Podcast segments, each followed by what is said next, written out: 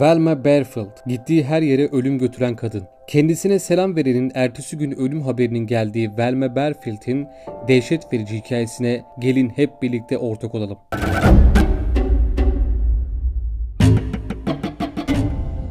Velma Bearfield 1932 yılında doğdu. Henüz daha 17 yaşındayken Thomas Burke ile evlendi. 17 yaşında erken bir evlilik yapması hayata bakış açısını kökten değiştirecekti. Velma'nın bu evlilikten iki çocuğu oldu. Ancak bir süre sonra hastalandı ve rahmi alındı. Velma'nın rahminin alınması çiftin mutluluğunu bozdu. Yaşadığı ağrılardan dolayı Velma ağrı kesici müptelası, Thomas ise alkol bağımlısı oldu. Birbirleriyle sık sık kavga etmeye başladılar. Yine böyle bir kavga sonrası Velma Bearfield iki çocuğunu da alıp evden ayrıldı. Aynı günün sabahında ise kocasının kaldığı ev yandı. Alevler içinde kalan Thomas Borke hayatını kaybetti. Ancak Velma hayatına kaldığı yerden devam etti. Bu dönemde kendisi gibi çocuklu bir dul olan olan Janik Berfield ile hayatını birleştirdi. Ancak Velma'nın ağrı kesici bağımlılığı evliliğinde bir sorun haline geldi. Kısa bir süre sonra boşanmaya karar verdiler. Davaya çok kısa bir süre kalmışken Velma'nın kocası kalp krizi geçirdi ve öldü. Bütün bunlar bir tesadüfün eseri olamazdı. Yaşadıklarından sonra Velma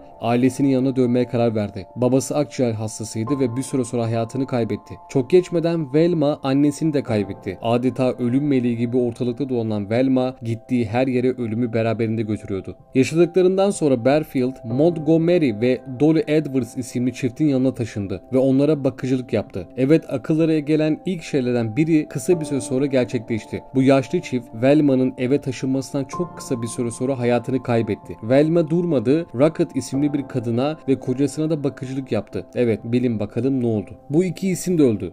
Ardından Velma Barfield bu kadar olay sonrası Stuart Taylor isimli adamla yaşamaya başladı. Ancak ilişkisi sahtekarlık yüzünden tehlikeye girdi. Stuart sevgilisinin adına sahte çekler düzenlemeye başlamıştı. Bunu öğrenen Velma büyük bir kavga başlattı. Kavgaya son vermek, gönlünü almak için Velma sevgilisine içecek vermek istedi. Ancak çok kısa bir süre sonra adam rahatsızlandı ve hastaneye kaldırıldı. Hastanede Stuart'ın hiçbir sorunu olmadığını, gastritten kaynaklanabileceğini söylenmişti. Ancak Stuart o gece gecenin sabahında sizlere ömür yani öldü. Artık Velma'nın suyu da ısınmaya başlamıştı. Stuart'ın cenazesinden sonra Velma'nın kız kardeşi polisleri aradı. Velma'nın kardeşi olduğunu söyleyen biri Velma'nın katil olduğunu, Stuart'ı onun öldürdüğünü söyledi. Otopsi üzerine çok durmayan polis ihbar üzerine tekrar otopsi düzenledi ve Stuart'ın bedeninde fahre zehri yoluyla arsenik tespit ettiler. Hızla harekete geçen polis Velma'yı gözaltına aldı. Velma polislerin sıkıştırması nihayetinde geride bıraktığı 4 cinayet daha polise itiraf etti. Ancak Thomas Thomas Burke'nin yani kocasının ölümünü kazayla olduğunu eklemişti. Janek Berfield'in ise hastalanarak öldüğünü iddia etti. Sonrasında onu da öldürdüğünü itiraf edecekti. Bütün bu itiraflardan sonra Velma'ya idam kararı verildi. İdam cezasının yeniden hükme girmesinden sonra idam edilen ilk kadın olan Velma medyanın ilgisini de çekmişti. Büyük bir takipçi kitlesi Velma'nın davasını takip ediyordu. Psikiyatristi Velma'nın ruhsal sorunlar yaşadığını ve idam edilmemesi gerektiğini söylemişti. Ancak büyük bir tartışma sonrasında Velma'nın bir seri katil olduğunu 2 Kasım 1984'te idam edilmesine karar verildi. Son yiyeceği ise cips ve kola olmuştu.